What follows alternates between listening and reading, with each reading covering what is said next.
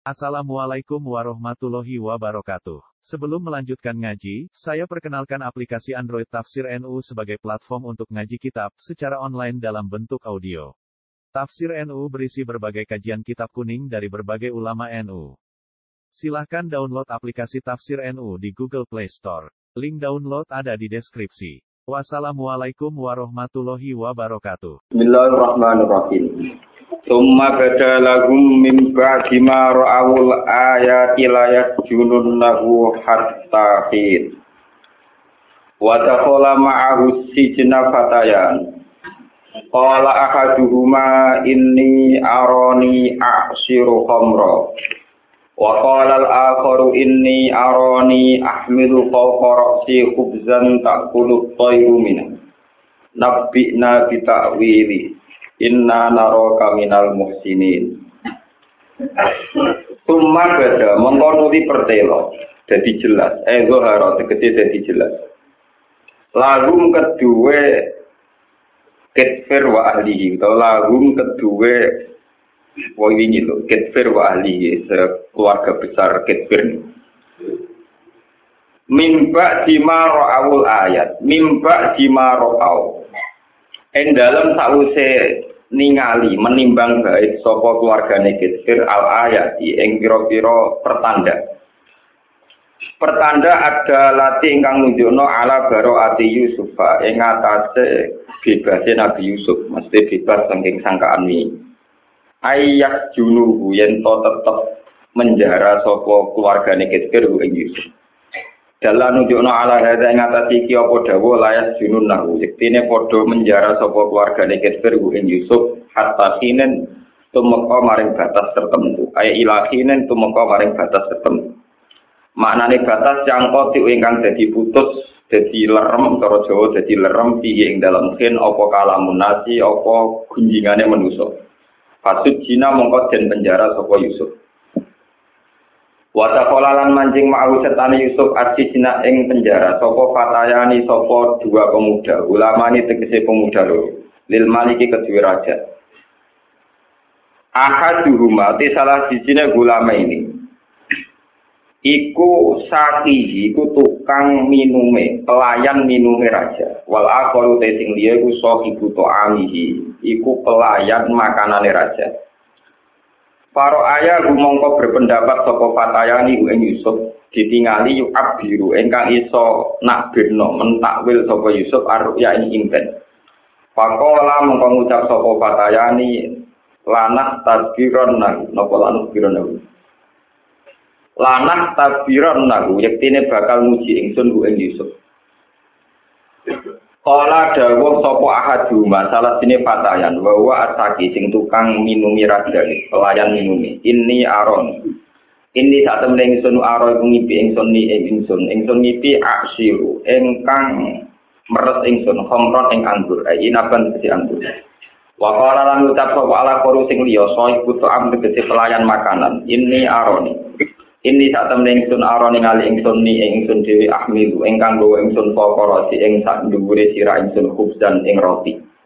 Tak kulo ingkang mangan apa atai manuk minggu sanding khubzan. Khubzan sing pokoro si. Nabina nyeritakno sira Yusuf nak ing kita. Khobarona ing cerita kita utawa akhirna tegese gawe cerita sira Yusuf nak ing kita ditakwilihi kelawan takwile mimpi bitakwilihi tegese kelawan takdire mimpi Inna tak temne kita nara ningali kita ka ing sira minal muslimin Gus tengah sangking wong sing apik. Kala dawa sapa Yusuf lagu mamaring fataya ini muhtiron kale wong sing nyritakno annahu sak temne Yusuf alimun mirsani ditakdiri ruya kelawan takdir mimpi. Dawa Yusuf layak ti kuma amun layak ti ora teko kuma ing sira loro apa to amun apa panganan? Tur zakoni kang den paringi rezeki sira ki ing to am. Fi mana mikuma ing dalam turu loro sira illa nabak tu kuma kecuali nyeritakno ingsun kuma ing sira loro kita wilihi kelawan takwile to am fil yaqodoti ing dalam tingkah terjaga atau tingkah nyata Qabla ya ta kuma durmi ento teko apa ikilah takwil kuma ing sira loro. Ai takwil uhu tegese takwile ruya kuma. Zalika kuma temung kono kono kabeh kumimat tengah sange perkara alamani ingkang ulangi ingsun sapa pangeran ingsun. Fihi ku tetep ing dalam ma'alamani Robi khatun utawi gegerei ala imanihi ing atase imane subhanallah. Ing atase imane ahli sijni, ahli kelompok-kelompok sing di penjara sing bareng Yusuf. Sumakor aku mongko nuli maca sapa Yusuf. Ru ing ikilah sumakor aku dikoli sumakor aku Sumakor waru mongko nuli nguwakno sapa Nabi Yusuf ru ing dawe Yusuf alamani Rabbi. Dikoli iklan dawe Yusuf ini tarok ini saat temen ingsun tarok ninggal sapa ingsun milata kaum ing agamane kaum dina kaum layu minuna kang ora iman sapa kaum billahi iklan Allah. Wahum halite kaum fil akhirat iklan akhirat dunya te kaum ku kafirun al kafir kafir tak gitu. Wata ketulan ana sapa ingsun milata abari ing agamane bapak-bapak ingsun leluhur-leluhur ingsun rupane Ibrahim Ibrahim. Wa lan Ishaq wa Yaqub lan Yaqub. Makana orang ngarah itu orang bakal terjadi orang sayujo yang bagi. Lana ikut duit kita wa nusyrika yang to nglakoni sirik kita bila iklan Allah. Min saen ing apa Utai ini dari datun li ismatina krono kajogone kita. Lalu kita tauhid itu mengkono-kono tauhid mumin fadillahi sangking anugerah Allah alena ing atas kita wa alam nasran ing atas manusia. Walakin aktaro nasab ini te agake manusia. Warum te aktaro nasab al kufar kufar kula yaskuruna iku ora syukur kabeh. Lillahi maring Allah. Baik seriku namung kaum musyrik no sapa anak. Tumat soroha mongkono ni jelas no sapa Yusuf di doa ihma kelawan ngajak ning fataya ini ilan imani maring iman fakola mongko dawu sapa Yusuf ya so hibai sini e konco loroku sing penjara sakina sijni segede dua koncoku sing menghuni penjara Aar babun, ana to te pira-pira pangeran mutafarikuna kang beda-beda kang akeh. Iku khairun ana to luwih apik. Amil lahu dibanding pangeran al wahidu kang siji al koharu kang iso memaksakan kehendak kang menangan. Khobarun utawi dawa iki ku khobar istiqam takririn. Utai kalam kalam khobar tapi istiqam takririn kang dadi istiqam takrir. Mata buduna ora nyembah sira kabeh min ing saliyane Allah ghairihi. Kowe ora nyembah mu ila asma'an kecuali pira-pira jeneng. Sampai temu gak akan gawe jeneng sira kabeh ing asma. Sampai tum tegese kang gawe jeneng sira kabeh kelar asma. Kowe darani asnaman ing pira-pira pengiran. Antum yutai sira kabeh wa aba hukum lan bapak-bapak sira kabeh. Ma anzalallahu biha min sultan. Ora nurono sapa apa biha kelawan ikilah kabeh di ibadah dia tegese kelawan nyembah ning asnam min sultanin ing hujah. Hujah sing tegese hujah argumentasi ilmiah wa burhan dan bukti kebenaran. Ini hukum rano te hukum al hukum rano te hukum il kodo. Tegese keputusan sing final ku illa lillah kecuali kok kagungan Allah waktu hal di sini apa. Amaro perintah sapa awala tak kudu ora nyembah sira kabeh illa iya kecuali ing apa. Dari kau tem kono kono tauhid dari kata tauhid iku akhirul qayyim iku agama sing jejak mustaqim tegese kang jejak. Walakin tak aksar nasi tapi nuja akake manusia wakum al-kufar kula alamu orang ngerti sapa aksar nasi. ma yang siruna kang bakal dadi sapa aksarun nas ilahi maring ma minal adabi saking siksa fayu syriku namung nglakoni musyrik sapa anak Ya so ibu sini kanca loro ku seneng penjara. Amma ahadu kuma ana pun di salah sini sira loro ai sakit di tukang pelayan minuman. Iku payu roju mongko bakal dibebasno saka penjara sapa saki badha salaten sause telung dino. Fayat ki mongko iso nglayani sapa ahadukuma robahu maksudnya minumin neh ing tuane ahadukuma sayyidahu khamron ing arak ala adatihi ngatasi adati ahadikuma wa amal akhor wa ana pun sing liya payu proju mongko bakal dentokno sapa akhor baca salatin sausi telung dino ya padha-padha ditokno. Tapi payu laku mongko den salib dihukum salib sapa akhor bareng bar dihukum salib patak kulo mongko mangan apa tayo makna miroti ing dase akhor Hadal tapi iki ku takwil luruk yakuma, iku takwile ngipi sira loro. Pakola mau pengucap sapa cah loro wae, maro aina sean, aku ora ngipi popo, kowe tak bodho iki. Pakola mau dawuh sapa Yusuf, kudia wis dadi keputusan, ayat tamat kese dadi keputusan apa lamru perkara. Allah dirupane amerti kang indal ladi tastabtiani takok sira loro. Saal tumat kese takok sira loro anu saking mah. Sotar tumat. Cek bener no sira loro, angkat tuma utawa ngorono sira loro. Pun ini ini kalau terangkan ini masalah. Sing masalah Yusuf kalian sudah kok nanti ganti pasal. Ini ganti masalah. Intinya Yusuf itu akhirnya di penjara. Kasus kulo ingin terangkan. dari segi pencitraan menjara Yusuf itu untung. Kesannya keluarga Ketir tidak salah bahwa yang niat selingkuh dengan Zulekho ini Yusuf. Jadi kesannya keluarganya Ketir tidak salah. Dicitrakan bahwa Yusuf yang dipenjara berarti Yusuf yang salah. Tapi Yusuf karena seorang nabi, seorang soleh, dia yang rasa untung. Daripada rasi penjara kon layani tante-tante sing rumet niku, daripada jadi gigolo, dia kan gak nomor di penjara. Jadi Nabi Yusuf luwih senang di penjara, Robbi Sijnu ahab du ilayya mimma yakunani apa? Ilai. Kalau luwih saya di penjara, timbang nuruti selerane tante-tante kan. Ini udah di nopo? Gigolo. Sehingga dua sisi penjara ini sama-sama menguntungkan. Keluarga Kedber untung dari segi pencitraan. Yusuf untung karena dia tidak maksiat. Bon itu berakhir di situ penjara. Terus tentang penjara ini wonten dua mantan pelayan raja. Raja ini zaman itu namanya ini Royan. Jadi Kedber posisinya menteri, ya. cara tadi PM. Raja ini namanya Royan. Niku ceritanya nggak tadi singkatnya cerita. Di Mesir saat itu ada kudeta, ada kudeta diam-diam. Dua pelayan raja ini, jadi itu tukang pelayan minum sama pelayan makanan. Niku disuap oleh musuh-musuhnya raja supaya meracuni nopo raja. Yang pelayan minum ya lewat minuman, yang pelawan makan lewat nopo.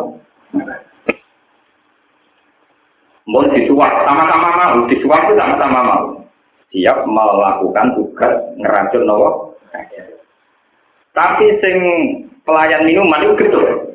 Getun sehingga racun nggak jadi ditaruh di minuman. Tapi ketika getun niku buatan koordinasi kalian sing tukang makanan. Sing tukang makanan itu racun. Ya disuap dia melakukan racun tenang. Bareng pun dihidangkan ke raja, roti, makanan, sama minuman, arak. Niku ketika raja mau minum, niku sing kita muni spontan muni raja jangan diminum itu ada racunnya. Terus sing sing kita yang muni raja jangan dimakan itu ada nopo racunnya. Alhasil akhirnya raja mulai bimbang. Rajanya ora goblok. Lalu tak mau nombe. Nah karena si tukang pelayan minum tadi kan nggak jadi naruh nopo racun. Diubur itu menang, gak mati. Namanya racun itu racun ini. Tapi karena ada indikasi mau meracun tetap di penjara. Sing tukang makanan pemangan ragilem. Enggak saja. Akhirnya di tes dipakai no kucing, nopo kucingnya makan. Walhasil secara kriminal tinggi sing pelayan makan.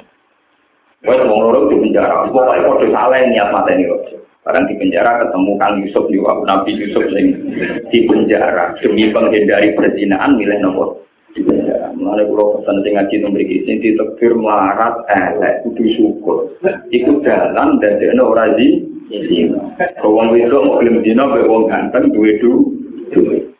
Lah sing duwe duwe ganteng ya syukur nak ra kasil zina. Mergo iku luwih hebat. Wong iso ora nglakon. Sing kere ya kudu syukur. Dia kere ku jalan paling efektif, aman untuk tidak nopo. Ane lele lonte itu regane murah, kok ngarat tolak. Jadi akhirnya sering zino. Nah, sing tarifnya sak miliar agak angger wong telu.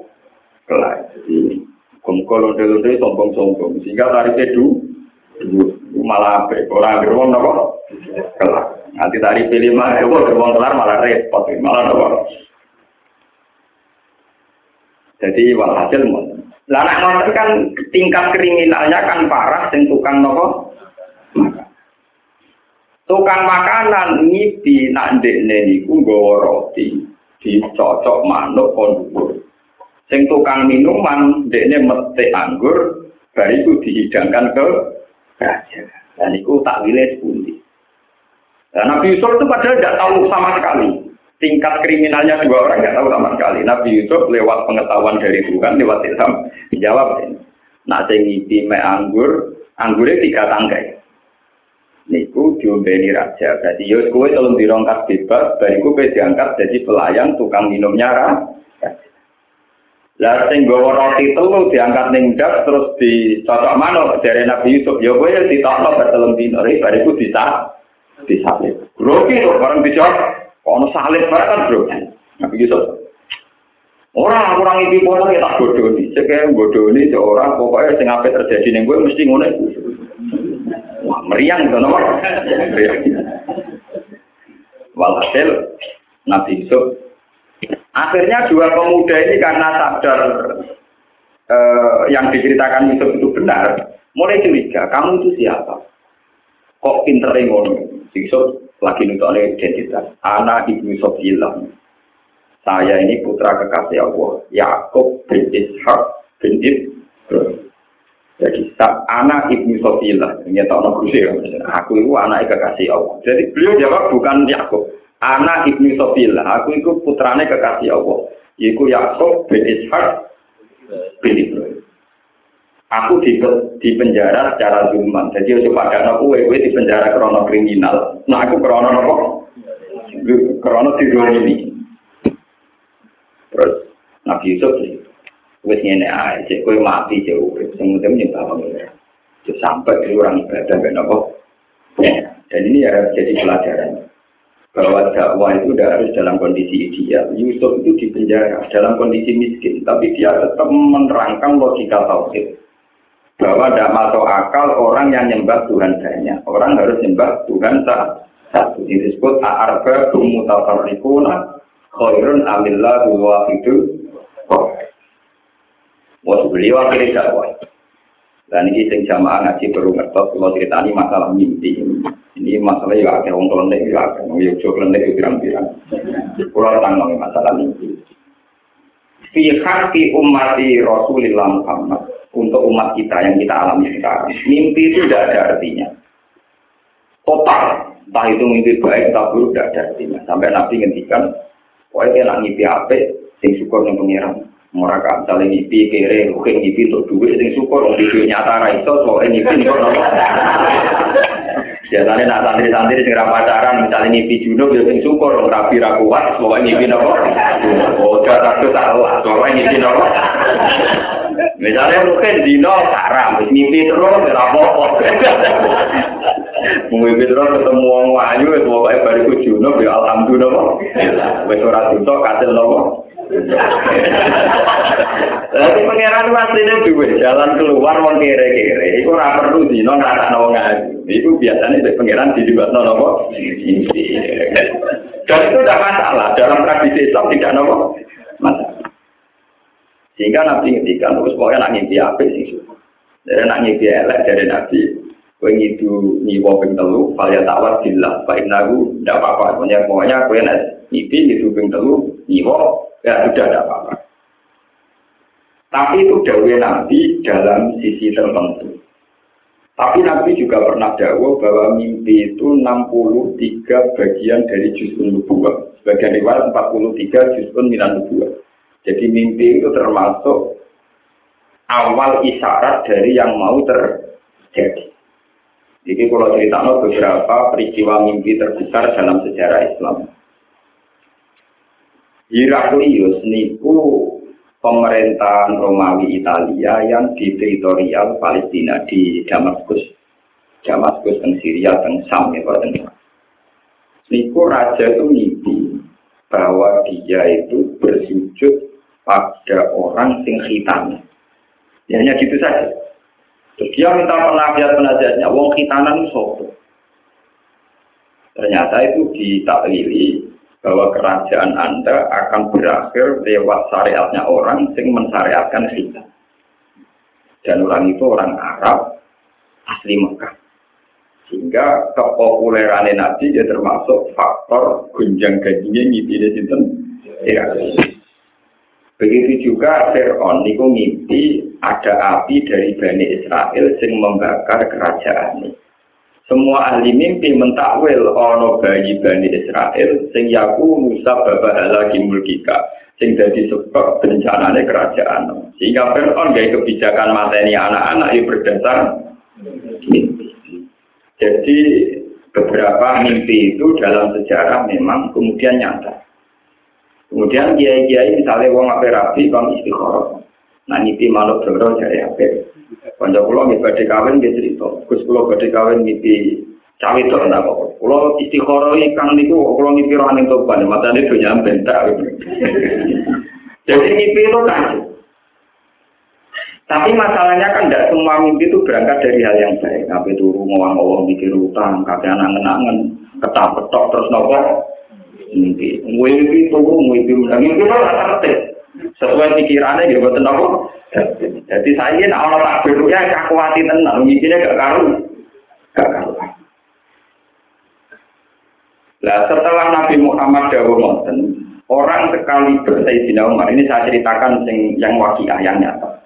Yang tidak pakai klenik, yang nyata. Sayyidina Umar itu pernah mimpi, kaan nasikan nakoroni salah ketika beliau khutbah, aku itu mimpi ite ayam, ayam-ayam jago notok siraku salah. Maro itu dalika illa fujuro aja Saya melihat bahwa itu alamat saya akan nomor mati dan mati saya dengan cara dibunuh. Itu pidato di depan umum. Ternyata kejadiannya betul. Umar dibunuh di pedang Abu Lulu dengan anak. Jadi banyak cerita di mana mimpi benar-benar nyata. Nah, kemudian pertanyaan sekarang kan bagaimana dengan mimpi-mimpi kita ini? Terus mimpi macam-macam. Mau kalau santri, apa rapi keempat sama mimpi jundo. Karena tinggal santri yang mimpi wayo, semacam-macam.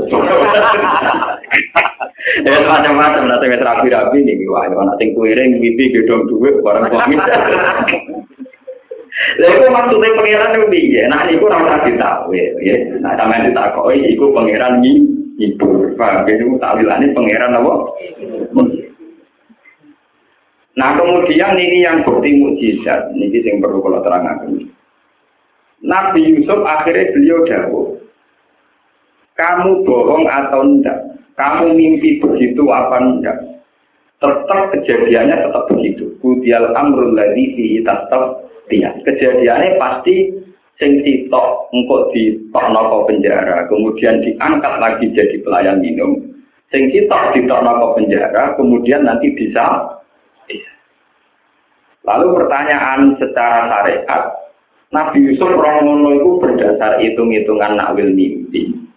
Apa memang punya ketangguhan, punya kelebihan dalam hal melihat barang mustaq, barang yang akan nopo ter Niku kabeh ulama ijma itu sudah masalah mukjizat. Jadi dengan atau tanpa mimpi, niku Nabi Yusuf memang akan tahu mana yang akan terjadi pada dua pemuda. Mulanya ketika dua pemuda itu mencabut orang tuh orang itu bawa belas bareng ditakwil lagi disalib kan riang gitu. Dia kan cerita cerita mimpi ini nanti nopo nggawa roti terus nopo didokter manu. Barang kita apel apel disalib, orang orang iblis. Tapi jawab Nabi Yusuf, cek kue bodoh di orang, kejadiannya tetap seperti yang saya katakan. Ternyata tenang, setelah tiga hari yang satu diangkat lagi jadi pelayan minum, yang satu dikeluarkan tapi mau proses nopo iya. Nah, itu pun masalah-masalah mujizat. Ini kalau nanti delok tenggine hati sokai itu paling ngeri itu ketika ini ben sampean ngerti sing sing ada riwayatnya gitu tenan klenek-klenek terus nanti buku-buku takwil mimpi ngomong sing arah ya jangan sing maca ngene kok takwil mimpi roh rembulan alamat ini roh burung alamat ini terus dihitung Oh, semua hitung barang ya. Nah, rembulan jadi harapan. Nah, gerono. Aneh-aneh. Nyata Kanjeng Nabi ini pun nanti dahulu. Ya Ali, kamu nanti itu setelah jadi khalifah. Bersamaan percaya ini sama riwayat mutasilah ila Rasulullah. Itu akan menemukan orang yang soleh-soleh. Sholat kamu khususnya tidak banding dengan sholat mereka. Puasa kamu juga tidak sebanding dengan puasa mereka. Tahajud kamu juga tidak ada apa-apanya dibanding tahajud mereka. Gampangannya di Ali pasane ya kalah, tahajud ya kalah, sholatane sholatnya ya apa? Tapi yang ruku namnadin murukat sandi minar romiya. Mereka keluar dari agama Islam seperti keluarnya anak panah dari busurnya. Ketika dari Nabi, Faidah wajat tahum fakturum. Kalau kamu menemui mereka, bunuh habisi. Fa'in nabi kotlihim ajron liman kota lagu. Karena bunuh mereka itu baik sekali. Ajron liman kota lagu. Alamat mereka itu ada pemuda yang budak. Terus tangan kanannya. Depan sininya itu aduk. Ini kita memiliki ini nopo. Baune.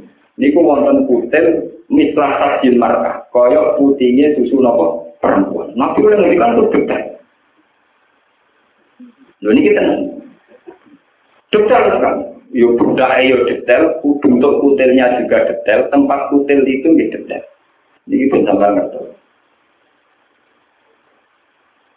Dan nanti sesuai dengan cerita Yusuf, jadi itu rumah tenang. Ini masalah riwayat mutasilan, riwayat yang ilah Rasulullah. Barang kanjeng Nabi itu kan ngadepi kaum khawarij. Ini rumah Nabi, penting kusuk-kusuk tobat. Nah ini kusuk itu haram, no nganggil kulo. Kulo ini diharam no kiai kulo, diharam no guru-guru kusuk nama. Ini gua ono silsilah. Wah khawarij itu kusuk-kusuk. Nak rino koso, nak bunyi tadi. Rawang itu melayu-melayu tenang. Kusuk-kusuk. Saurung itu jelas kurang. Tapi justru karena dia itu ideal, mereka itu ideal. Cara berislam apa? Ideal. Dan ini orang dosa, itu kafir. Wong dino dianggap kafir. Wong rasolat dianggap kafir. Maling dianggap kafir. Peminum arak dianggap kafir. Dengan makna konsekuensi hukumnya halal dibunuh, halal dibunuh, halal dibunuh, halal. Kalau balik ini wal itu soleh. Tapi justru karena kesalahan yang ideal ini, dia nganggep maksiat itu gede kok kafir. Sehingga dia darah ini peminum kafir, pemabuk kafir, pezina kafir, pencuri Dan mereka di keputusan kalau itu halal darah. Sehingga kalau orang Khawarij itu kok bikin sebuah negara, utawa jadi dai makili kajian Nabi, penerus Islam, takut galapo, minta minum, galapo. Ya. Sehingga Nabi gabungan kepentingan kemaslahatan ini harus dihentikan. Pemahaman Islam yang begini harus dihentikan dan itu yang dipasai Sayyidina Ali karena mau nopo. Gue tanaman saya gitu sama mulai cilik rambedik. Status pulau ini saat ini umur pulau patang pulau tahun. Pak wong tahu nakal tahu saya naik dewi. Jajal zaman khusus seminggu, ya, program man khusus seminggu. Poso nak bengi tahajud, bertahajud terus Quran. Seminggu ya sesuai. Orang mau jagungan. Tentunya sedih lah, jagungan. Padahal kusuk lagi seminggu. Tak foto seminggu. Orang orang foto, ngomong mangan berkewan. Padahal modal kusuk. Kita ngomongin foto omongan seminggu. Nggak orang ngomongan rong jam atau tak jam. Wong nunggu ngomong. Ya begitu. Sehingga banyak kesalahan, tapi melahirkan tragedi, fonis, pada hukum apa tadi sehingga nabi ora seneng nah, orang khusus nemen nemen Nah, pulau mari si wajah nabi ini lupa. Jadi sama tahu lah nyala no pulau no. Jadi pulau nakal tapi tak ilmu nih pak. Tuh paham. Jadi ini penting. Jadi bang mari sing apa takut, tetap mari sing gampang-gampang. Di bang kaya konco pulau, pulau kecil terus nyai tenanan enak kaya jenengan. Pulau di konco, latihan nyai khutbah di masyarakat. Man soma Ramadan suma asba'u citan min syawal pakai nama soma darrokullah. Wong sing foto Ramadan, bariku tanggal loro foto enam dino, foto karo foto nopo setahun. Sendiri nerang no fadilah itu meloko. Karena tanggal loro telu ngomong desuan, ya ini rokokan juga me. Sing tuan itu foto ngelakoni pak wani pak kiai latihan. Lalu nuku-nuku kan takut, bayari kok jangan bodoh foto di waktu anu jenengan.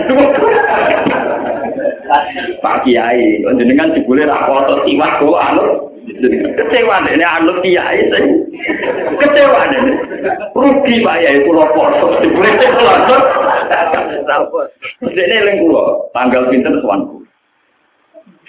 Sama ini, kita dikira kurang pengkabian. Lopo tuh barang barang lopo. Lopo dan nyerang lopo tuh enam lopo. Apa? Kuwi jadi ki goblok. Kuwi meneng aku wae tak wae cerita alhamdulillah pun Ramadan pun poso, yang bersae pun Islam yang pun saya kalau piyambak nggak namung poso kalian Islam. Ngelom poso nang samal barang lho. Lapo. Sehingga umatnya dia juga nyimpulkan kiai ra kena dinut, omongan ora iso nglakoni lor. Lah, kesalehannya orang tua itu kayak itu. Semua bentuk kejanggalan terhadap kesalehan itu difonis kurujun Islam keluar dari nopo. Sehingga dalam sejarah Islam kesalehan itu pasti bawa tragedi, kesalehan yang berlebihan pasti bawa tragedi. Lalu juga geman soalnya teman-teman. Pokoknya rajin orang ini wong pun Nama tak kono tonggo-tonggo pulau, pulau dereng nate, pokoknya pulau nyai tengaruan pun lima tahun. Itu sholat akhir masjid ben Pak ini. Nah, tapi kiai ini wong, kiai ini dihormat be pulau, foto dia dihormat be pulau beda beda nih. Bukan apa-apa gitu. Dia bukan saya, sama roh anak di pulau, dan pulau pun bolak balik pulau. Kanjeng Nabi Niamba itu kalau tidak tuh khutbah, misalnya khutbah itu sanatnya mutasil di Bukhari di Muslim. Itu beliau berkata, sholat ini sunnah, khutbah saya juga sunnah. Paman sa'a fal yasma, sehingga pengen yang rumah nabi dadoku, waman sa'a fal yang sore, yang enggak pengen yang monggo bubar monggo.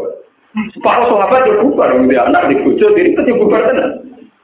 Jadi nabi pidatanya tenang, paman sa'a fal yasmi, waman sa'a fal yang sore. Sehingga sholat itu dihukumi sunat. Mereka yang ngelakoni sholat itu kanji nabi ber diumum no. Mau sholat sunat tuh ya khutbahku ya sunat tuh. Sing oleh ngrungokno ora ya apa. Di pulau itu lima tahun nyai dia nanti rasa itu pintu. Dia orang dulu biasa mau. Tapi naik ke daerah orang ngambil ngalir menyentuhkan. Jadi tetap biasa mau kalau gitu. Tetap mau tinggal sholat gitu tuan pulau. Gak sholat gitu. Karena akan bahaya sekali kalau semua bentuk kesalehan kemudian menjadi aturan Islam. Kalau bolak-balik ngomong, andai kan semua kiai itu terawih dan semua terawih kayak wajib, tentu orang yang tidak terawih akan diponis fasik. Dan itu bahaya bagi Islam. Ada Pak Satpam yang soleh hanya karena mensatpam saat terawih diponis fasik. Ada bakul bakso, bakul siomay, bakul yang macam-macam di terminal. Mereka demi keluarga dagangan. Hanya karena saat itu tidak terawih diponis fase super-super yang di jalan, Pak Kernet, Pak tukang ojek dan sebagainya. Fase kafe. Entah umat Nabi nak ganteng wong soleh guguk. kriminal, soalnya begini itu kriminal. Kok nanti dulu? Nah, apa tuh tuh bantuan pangeran bener bener. Saya pertama ngaji di jual Quran tuh orang kaget. Kenapa Gus ada fanatik sama terawih? Apa artinya Anda melakukan terawih yang sunnah kemudian menfonis? Pak Woso tahun pisang orang belum terawih. Coba orang-orang bakul bakso itu orang-orang miskin, bakul sio mesapam, super karena itu kasihan. Mereka dagang yang ngergani nabi, mereka nyolong dari nabi haram. Jadi di dagang mereka anut kanjeng nabi. Mereka nyolong nopo. Rumah tamu jangan anut nabi kowe itu. Wong nanti jadi satpam ya anut nabi, mereka nyolong kan? Jadi dari satpam itu nganggo syariat nabi. Kepengen gue haji sing tapi dua malam itu nama kiai sing wani nekat ya orang nurut. Nah, ya resikonya kata dua malam itu. Ya, tapi tak ada bonus. Ternyata awal bener.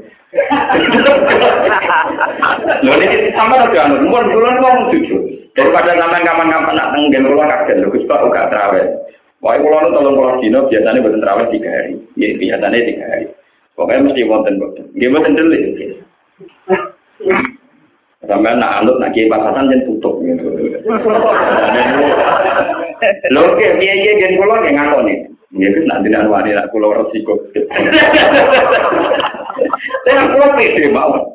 Karena di darah saya itu mengalir ajaran Rasulullah Shallallahu Alaihi Wasallam akan bahaya sekali jika kesalehan itu ideal, kemudian korbannya main for, itu bahaya bagi bahaya. Coba hanya karena terawih yang sunat saja bakul bakso kena ponis, tukang ojek, toko sing buka, kena ponis semua. Bakul fasek semua, sampah semua. Kan kasihan Nabi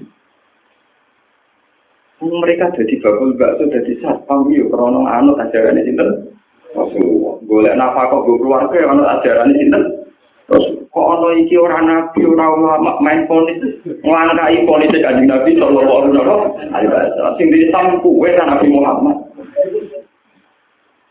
Akan garis keras dalam hal ini. Saya bela yang tidak tidak tahu. Kok sing terawih sakit. Sing bisa terawih apa nopo? Lu itu nyata. Yang saya kenang, kemudian saat saya ngaji di Bojonegoro saya ceritakan, sama cari di Ihya. Di Ihya, Bak Fadilatul Kasbi. Ya nanti yang ngalim-ngalim itu nyari sendiri. Di Bak Fadilatul Jadi ada kisah nyata, suatu saat Rasulullah itu jagungan ngaji di teras masjid. Ya sama Abu Hurairah sama sahabat-sahabat ngaji, dia ngaji. Biar aku kitab, sing arang sabu sing Rasulullah. Nabi ngaji gue kitab, repot, ketua suku.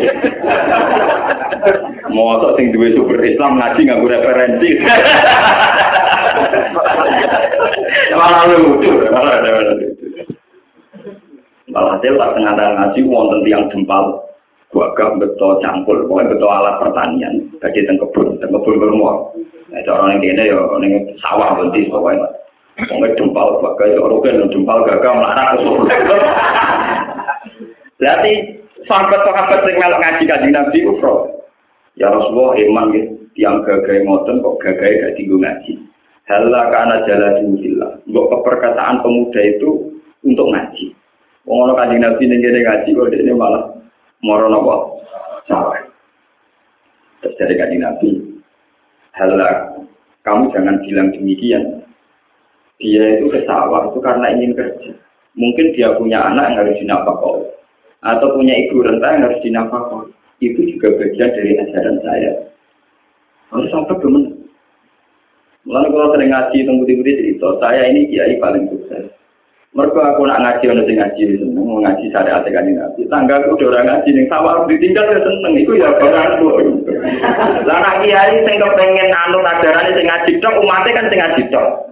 Lah aku sing ngarit sing tak wae tak anggap anut ajaranku iku ya ajaranku. Jadi menangan aku umatku akeh. Mergo ora ngaji tak anggap napa? Wah aku cuma nakalan. Nakalan dia tenan ya. Rasulullah cara pandang begitu. Sing ngaji ya dianggap umatnya karena tolak ilmi. Sing tetap neng tegal mencangkur golek apa kok dianggap umat ya mergo tolak Tuhan halal anak jadi kiai ngono kan nanti kan gak kemurungsung tuh orang uring uringan mungkin ini cek nemennya tidak ngaji mau malah keduanya mau sawah. Malah tersiksa wah tersiksa keliru. Wah tersiksa apa? Keliru Pemuda yang di seputar Nabi diluruskan, kamu jangan bilang demikian. Orang itu ke sawah. Cari nafkah untuk anaknya, untuk ibunya. Itu ya bagian dari ajaran. Nah, ngoten kan enak. No? Enak ya sudah. Sama-sama.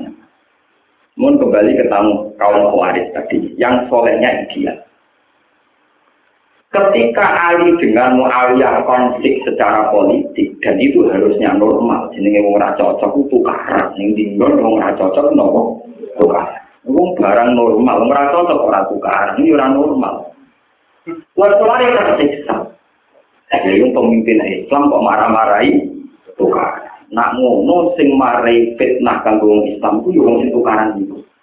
Wong kuat kelompok kuat sing soleh ora Wong soleh-soleh itu rapat di satu tempat mutus no. Nak ngono yang keladi fitnah itu harus dibunuh. Yaitu Ali, Muawiyah, Amr bin Ali itu presiden Medina. Sinten Muawiyah presiden Syria. Amr bin penguasa Budiman. Padahal tiga orang ini semangat semua. Dua wong kusu, orang cara teori intelijen gak akurat. Wong gawe tak ada kok ini. Misalnya Rukin takut. Lali sing di pokoke ali sing imami salat subuh lah sing Mustafa tak kok usul lah nak mami ya sing imami salat subuh sing kok arep iki pokoke sing imam Amrul itu ada, sing imami sholat subuh. Banyak dia nona tradisi, nak khalifah itu imami sholat nomor. Lah aku rata khalifah dari rata imami. Kalau nak ada kalau gak makmum. Nah ini walhasil akhirnya, sing ditugas nama Teni Ali adalah sukses. Maka si Ali dibunuh. Oleh wong kuai. Muawiyah adalah lain itu meriah. Maupun asisten ini mami, mau asisten ini mati. Wong instruksi intelijennya pokoknya sing imami nopo cukup. Jadi kalau nggak tarik detail wajahnya gini, sekitar ini ora awur-awuran nah, pokoknya sing imami nopo cukup. Amr doa bejo pasti baca mau kena bokong walhasil ra sida napa itu menjadi sejarah terburuk dalam Islam. Itu di mana kesalehan menginspirasi kekacauan dan kegaduhan. Iku waktu gale kowe soleh atau mbek wong itu terus ketika roh Gusdur kiai nasional ora kiai ropo gelem salaman wong itu salah sitok dele. Padahal kalau kamu fair, nak kue darani salaman mbek wong itu itu satu dosa, oke udah nabi misalnya salaman mbek itu dosa. Tapi nak kowe iman tenan beda nabi, nabi ra gawe tok. Nabi juga dawuh, wong sing salat dosane ilang, sing wudu dosane ilang. Wong nak wudu gak tangane, dosa tangane ilang. Kenapa kamu hanya iman dosane tok ora iman beda kowe itu? Iku kowe ngene lho, kemarin rusak ikan, iman kok separuh, paham? Lo kan gak adil kan? Coba sekarang, orang-orang soleh mengkoli kiai salaman mbok wedok dosa. Atas dasar apa itu? Dewa Nabi kan Lu kenapa dawe nabi yang lain bahwa wong sing wudu sing sholat dosane ceblok kok gak iman? Dua tahun tak seudon kan udah paham. Senangnya kok milah sing mengadili orang kan ngoten lho. Senangnya milah yang mengadili. Kalau dia adil harusnya gini, salamannya mbok wedok dosa. Wudune marai dadi kafaro. Lah anak aku ora salaman mbok wedok dadi ganjaranku untuk poin ora perlu ilang. Ngono kan sedengan kok misalnya komentar yang ngoten kan apa? Buat dia yo, belum salaman itu. Padahal beberapa hadis sore dan mutawatir dan diulang-ulang oleh Rasulullah. Wong sing sholat limang waktu dosanya hilang, wong sing wudhu dosa metu kora ini, mau baca tangan metu kok. Itu juga dawuh Rasulullah. Kenapa yang dawuh ini tidak di tidak diimani? Ini menjadi tidak adil. Yo soleh karena orang baik ideal ya kesalian sing nopo. Saja nih dia tenang. Misalnya waktu gede salaman bang wedok ya, si api enak si bapak ya salaman bang wedok ya bukan salaman si api enak si bapak ya ibu juning dalam rapat ya hari salaman bang ayah. Bapak ya ini orang dunia tak tahu. Juga muka di sekolah orangnya. Nah tak kok hilang haram, ya haram hukum. Tapi ketika Pak yang mau wudhu, nah bodoh-bodoh yakin, lu darah salaman haram berdasar tuh. Dewa tadi nabi. Lah kok meyakini nak wudhu nyebut dosa berdasar to. Dewe nanti. Kenapa jauh yang dosa mbok imani terus? Jauh sing ilangi dosa. Ora mbok imani. Jadi pengikut nabi kok pilih separuh, paham ya? Lah nek coba sing nakal-nakal, nanti sing nakal-nakal milih sing ceblok terus gitu. Jadi jauh dosa negatif imani, tapi jauh ceblok itu toh. Timah, itu ya perkara. Jadi sing nakal-nakal ya perkara. Mergo milih enake napa? Pak. Walhasil kaum Khawarij itu memutuskan begitu. Dan itu finali sederenge wafat, itu sempat merangi kaum Khawarij. Barang diperangi pun mati, ya ada beberapa kelompok yang sampai mati. Ini pengawal-pengawalnya Ali, kalau saat ini panglima-panglimanya ini. Jadi golek wong sing sifatnya persis sing disawuno Nabi. Itu bener. Sayyidina Ali sempat panik. Mosok kanjeng Nabi goro. Mosok kanjeng Nabi gak bener. Terus Sayyidina Ali akhirnya turun tangan. Sodaka wa wa sodaka Rasul. Mesti Nabi bener. Mesti kan, dan itu bangkai-bangkai yang kuarit, mayat-mayat yang kuarit. Ini disingkapi gambar di Sayyidina Ali. Ternyata orang yang disipati Nabi itu wonten tumpuan ketiga saking. Akhirnya uang sahabat di sini Ali do Allah Akbar. Artinya yang terkait cerita Nabi Yusuf, Nabi tahu yang akan datang itu gak perlu mimpi, ora perlu lewat mereka mereka nak wil mimpi karena untuk Nabi kayak Nabi Muhammad di Yusuf panjang duwe hak sebagian duwe hak delok alam gaib sing mau ter jadi paham ya? Makanya nabi itu mau ngendikan cek gue ngimpi cek orang ngimpi yang apa gue alami yo ngono iku. Iku bodoh nabi Muhammad ngendikan ali gue sebenarnya bakal ngalami.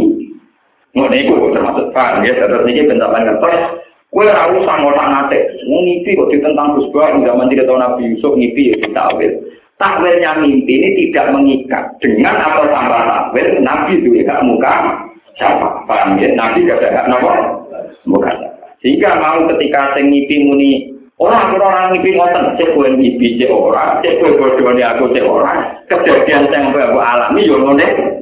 Ngene. Paham ya? Terus ini nunjuk no masalah hak muka sapai corona. Niku sami kalian Nabi Muhammad ketika perang Khandaq. Niki kalau tak cerita, cerita bukti-bukti bahwa Nabi itu tahu yang akan terjadi. Ya karena diberitahu Allah, ya karena diberitahu. Pas perang kondak, niku kanji Nabi miskin sekali. So apa kira kelar mana? Wong ora kelar mangan, ijek ngeduk pare. Ya kanji Nabi yo jaga di. Wong ora kelar mangan ngeduk napa? Pare. Pare. Wong mau pantore malah kanji Nabi dia guyonan. Eh, sahabat-sahabat, gue seneng. Misalnya kan kerajaan Heraklius dan Romawi kena gue. Jadi zaman itu Romawi menguasai Palestina, Lebanon, Syria. Sahabat pas kira-kira dorongi, sumber sing nguasai Romawi kue-kue iku. Jare wong munafik seneng Muhammad tak bae tak bae dan mangan era kuat apa penalun apa Romawi jadi. Jadi jika wong munafik munafik malah yakin Muhammad itu ora waras. Mangan era kuat kok dihabisi napa? Ngalah apa? Lho ngono cek ngendikan ya tadi kan aneh Nabi. Marumah. Kowe sampeyan nak ngalah Romawi. Mahkota Raja Romawi ku buat rokok. Dia tidak Rasulullah. Dia kiri, menjadi. Lalu itu adalah Allah. Wah, ada Nabi bapak, hasil bapak. Diganti Abu Bakar. Palestina sing wonten Baitul Maqdis riyen namine Syam namine apa? Syam. Palestina sing wonten Baitul Maqdis niku kembali ke umat Islam era Sayyidina Umar. Ya era Sayyidina Bareng rajane tunduk mahkota Palestina jika nanti Cina Umar. Aku di rumah eling gawe nanti. Makhluk kok no Surabaya, Surabaya tak biasa. Ya tiga no Surabaya. Jadi jenis cara tadi desakralisasi jabatan. Jadi wong mahkota raja kalau tiga guyonan Umar kok nganggo tiga no rukin no apa. Lu coba, Nabi bisa gitu berdasar mimpi apa berdasar muka berdasar muka Lah kalau begitu, peristiwa yang didawono Nabi Yusuf, niku cek mimpi cek ora, berdasar hak muka niku tetap nopo ngertos. Mana yang akan ter jadi yang disebut alimul ghaibi fala yuzhiru ala ghaibi ahadan illa manir tadon apa mir rasul. Jadi barang gak itu yang tahu hanya Allah. Cuma khusus para rasul wonten istisna, Allah itu alimul ghaibi, yang paling ngerti barang gaib. Dan itu tidak akan diberi ngertikan sama siapa pun kecuali ilah manir mir rasul, kecuali rasul tertentu sing dikai hak akses ngerti barang nopo. Jadi sah meskipun rasulnya tahu ini berdasar pemberian dari Allah Subhanahu wa taala. Tapi memang banyak rasul sing diberitahu akan hal yang mau nomor Paham ya, terus ini pencapaian. Karena banyak yang menerangkan tentang Nabi Yusuf mimpi terus urusan takbir mimpi ini, ini urusan kalau ada kepentingan terang, ini urusan mimpi ini, paham ya? Sampai buku takbir mimpi laris. Terus jadi nomor barang dari mimpi roh pedet. Pedet itu segini papat, berarti nomornya papat C. Lah kok pikirnya kok sikilnya orang meripate. Karena pikir pikir pertama meripati loro berarti loro, sikile papat berarti papat. Nah meripati loro berarti loro, papat be loro. Barang kualit tenang saja, dia mau loro be papat. Damai, wis keliru jadi takwil. Mau santri santri ngisi gimana? Terus lo cerita malik. Ummu Habibah ini putrinya Abi Sofyan. Sebelum Abi Sofyan iman, tuh Habibah mau iman ngantos dari hijrah ke Habasyah. Bareng dulu di Sayyidina Ali Ja'far bin Abi Sinten mungkin sampean rasa saya. Umu Habibah miti nandene mangku rembulan. Mangku nopo? Dan ketika mangku rembulan kanca-kancane ngundang ya umal mukminin napa ya umal? Dari Umu Habibah padahal dalam keadaan yang kabar hanya Ethiopia. Kanjeng Nabi teng Medina. Niku dari Umu Habibah saking yakine Wah, anak ngono aku calon bojone kanjeng Nabi. Lah kanjeng Nabi diwahyani Jibril, "Mak, saiki juga kowe kudu rapi umur Habibah." Jadi bagi di begini isuke diakarno mbek raja-raja. jadi bojone itu kaji nabi Ummu Habibah roh lewat mimpi, kaji nabi lewat di situ Padahal dengan jarak bermil-mil, bahkan antar negara, negara Kabasa sampai negara Nopo Medi. Nah ngono nabi ngertos barang goib, niku lewat waktu. Intinya orang perlu dewa-dewa urusan mimpi. Paham gitu? Jadi makanya Nabi Yusuf tadi ketika dua pemuda mencabut nopo mimpi ini, gak aku kan mimpi pokok. Jadi Nabi Yusuf, cek gue mimpi cek orang, kejadian sing mbok ape mbok alami yo ngene iku paham ya yo ngene iku sing sitok telung dino kerja terus napa tiga hari dikeluarkan kemudian kerja lagi. Sing sitok dikeluarkan kemudian akan di paham gitu. Jadi nopo itu terus peringatan. Jadi masalah takdir mimpi itu matang umat kaji nabi itu ditutup. Ini ketika nabi kok yang ngipi apa ini mati? Nah ngipi elek kalian awal bila ya semoga tahu di pengiran ora terjadi ya sudah. Kalau misalnya akan bantah kus kalau ngipi elek nyatanya terjadi elek tenang nah potongan kalau ini pirang ngipi sering tuh nanti elek oh nanti elek orang ngipi lah ya sering tuh nopo potongan-potongan nanti tahu syukur atau kusnudam ke pengiran ini nasibnya nopo nasib elek ukare iman. Terus kalau jadi kiai, kalau nasib kalau ya terus minta tiru kan nabi.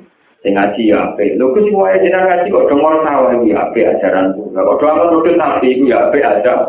Kan malah enak atau menangan, no? Daripada bermuang bermuang.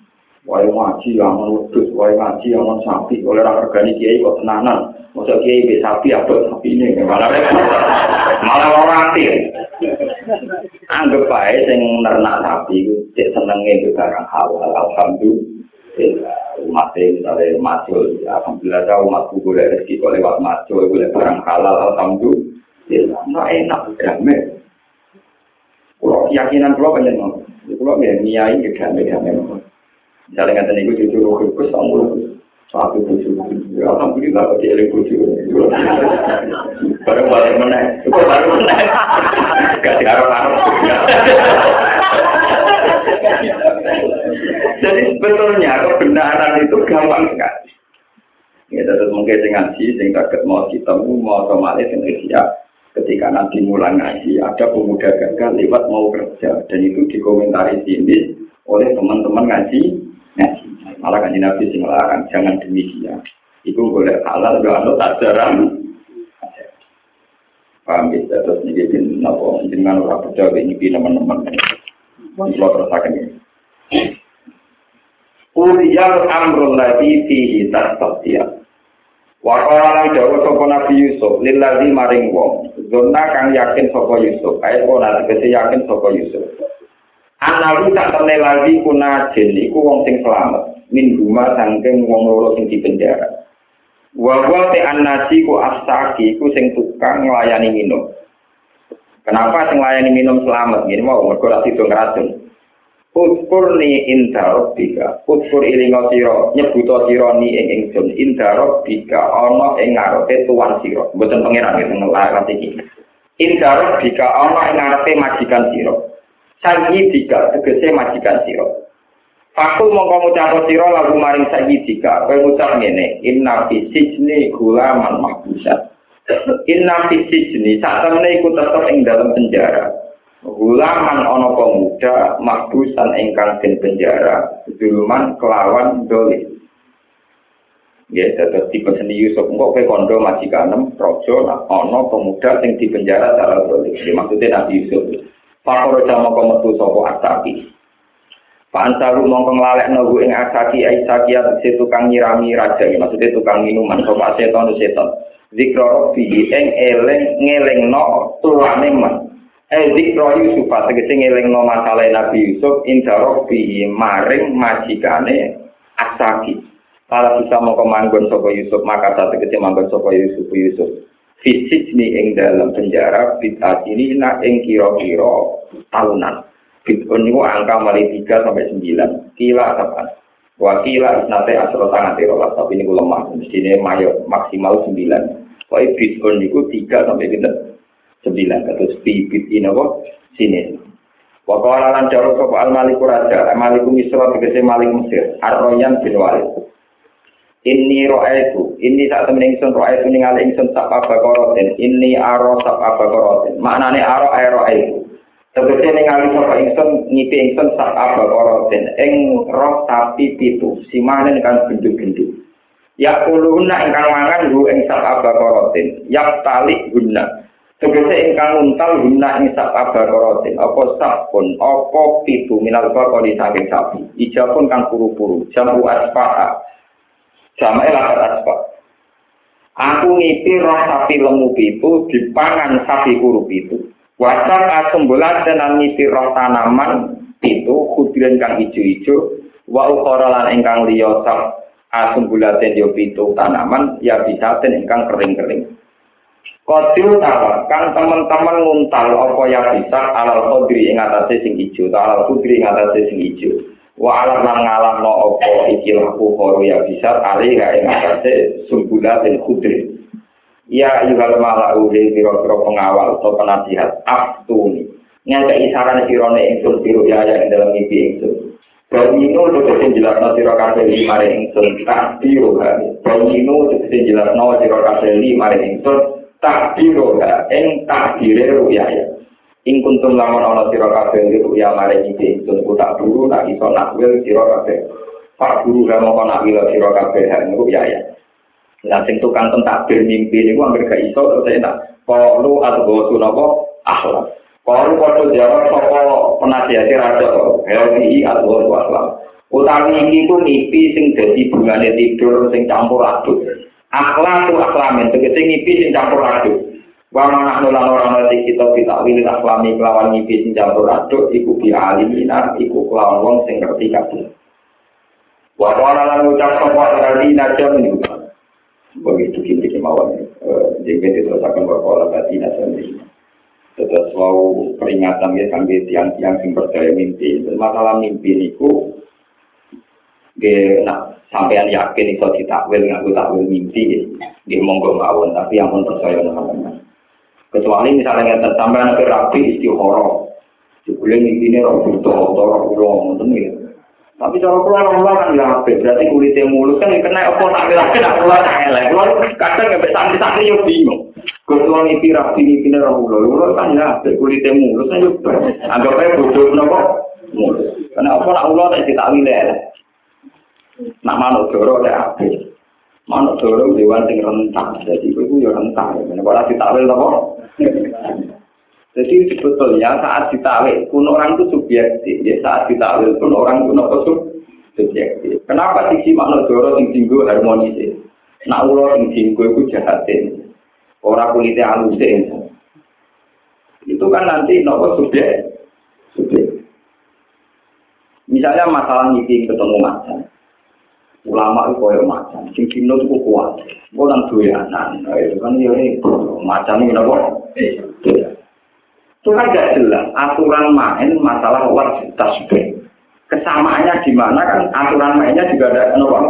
Jadi misalnya gigi macan dari jago orang jantung ganas tuh yang kancani gigi rawlo jantung jahat orang tinggal pada tasbih orang mulus Ini tidak ada, cuma bentuk mimpi tidak. Misalnya, mimpi apa aku lah elek. Lalu marah orang pakunya orang kuat, orang kokoh, orang mau fungsi ini paku ya aku. Nah kalau pulang ya, misalnya berapi, misalnya tanah Allah ini berarti orang ya sama orang yang rasional syariat mawon. Nggak Islam itu, sholatnya macam mana pun, cara pulang. Yang rian ulama mawon, berarti kami dari repot. Lucu sih, secara jenis Islam, Islam, sholat. Selesai macam mulon, dua patang rokaat itu pun. Kok minimal itu? Aku kiai, kok minimal tak maksimal lo gampang tuh tak ulang dulu. Jadi tidak baik. Kalau kembali kok jadi tahu siap pulau, tidak baik. Mentetandarkan ideal itu tidak baik. Nganti jadi khoa, ini guru pulau dan tidak pulau haram. Aku jadi uang khusus teman-teman. Mari kau uang khoa, wah. Guru saya dibias guru saya sampai ila Rasulullah Shallallahu Alaihi Wasallam. Karena kesalahan yang ekstrim itu berbahaya bagi kelompok lain, apa? Ya misalnya mau kue salah terus, takut gak suwes kangelan dorong berubah, anak ini mau nangis susu nentai. bojone rentah ibu rentah mbok ponis praktek mau perkara wae trawe adol Iku mati nabi sing model piye? Kok mentah alam ini? Boleh usah begitu. Nanti teng sanat-sanat kan nabi terawih mau sampai hari ke-6, kila sampai hari ke-8. Baru itu gak terawih. Dulu orang satu lagi sobat. Jadi cek rumah yang aku tolong dino apa? Itu loh, tak orang ngaji hadis. Nabi itu sholat terawih mau pinter, pinter. Sampai hari ke-6, paham ya? Badul itu dilakukan di rumah. Kalau dilakukan di rumah, siang boleh. Terus ketika era Sayyidina Umar berhubung Ramadan diramek no terawih rong pulau rokaat. Sehingga terawih rong pulau rokaat itu berdasar sunnah Sayyidina Umar. Tapi ada kelompok tertentu yang nilai sunnah Nabi itu walang rokaat.